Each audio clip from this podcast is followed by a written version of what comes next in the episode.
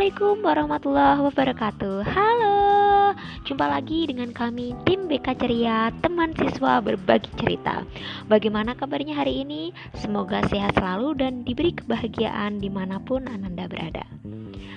Materi bimbingan dan konseling kali ini akan membahas tiga kata penting.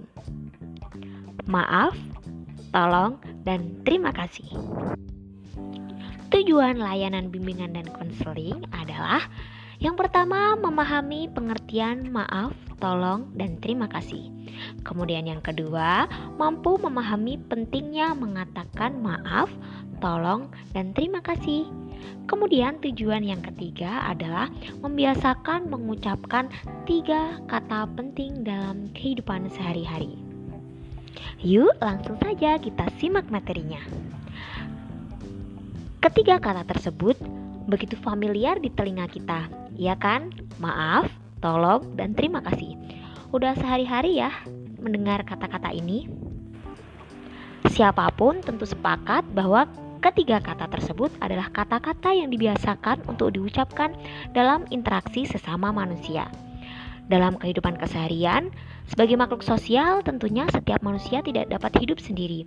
Dia perlu berinteraksi dengan orang lain.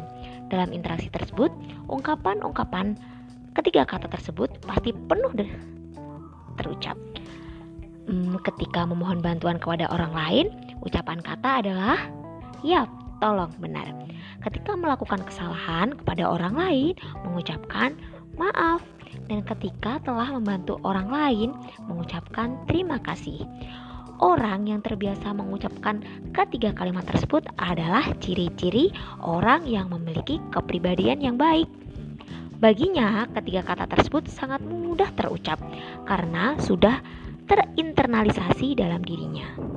Kata tolong, maaf, dan terima kasih memiliki kekuatan yang luar biasa dalam merekatkan tali silaturahmi dan persaudaraan, mendekatkan hubungan yang renggang, mencairkan kekakuan komunikasi, bahkan meredakan sebuah persengketaan.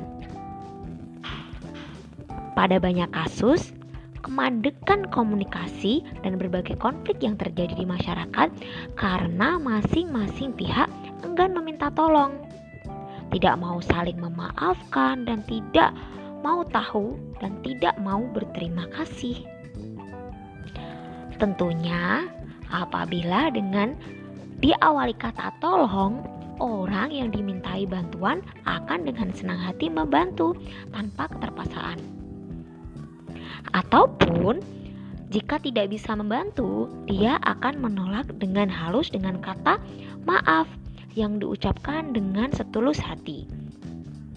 Agar nantinya tidak terjadi kesalahpahaman dan meredam kemarahan, kekesalan bahkan dendam dan kata terima kasih sebagai bentuk penghargaan dan penghormatan kepada orang yang telah membantu.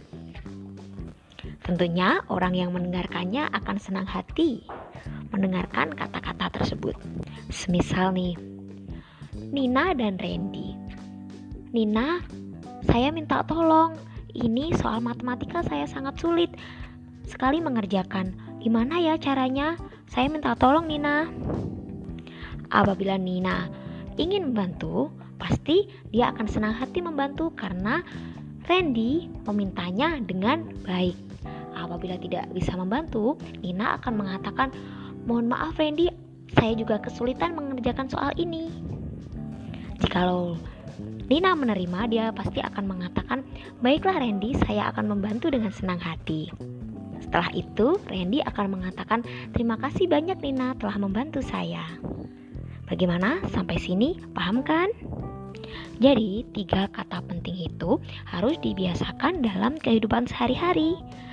Setelah menjadi pembiasaan, maka menjadi budaya. Budaya saling tolong, budaya saling memaafkan, dan budaya saling berterima kasih.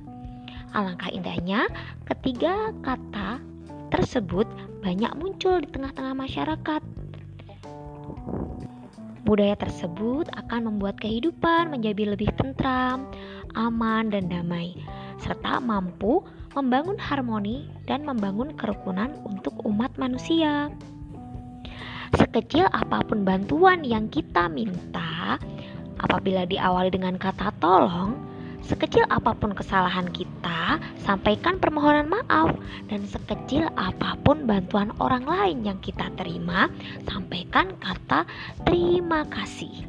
Ketiga kata tersebut cerminan perilaku orang mulia dan suka memuliakan orang lain.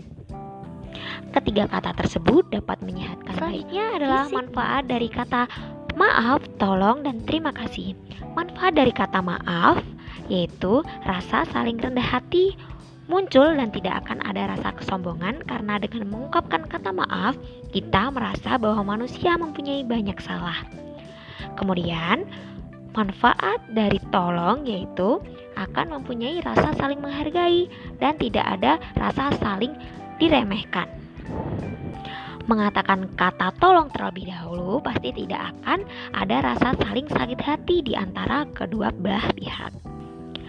Yang terakhir, manfaat dari kata terima kasih yaitu akan mempunyai rasa toleransi dan menumbuhkan rasa hubungan yang harmonis serta silaturahmi yang baik. Karena dengan kata terima kasih, kita dapat membiasakan rasa toleransi yang tinggi terhadap sesama. Jadi, kita harus membiasakan tiga kata tersebut menjadi kebiasaan sehari-hari agar menjadi hal yang biasa kita lakukan. Mempedulikan hal-hal sekecil apa pun di sekitar kita, maka kita akan terbiasa dengan hal-hal dan masalah yang besar.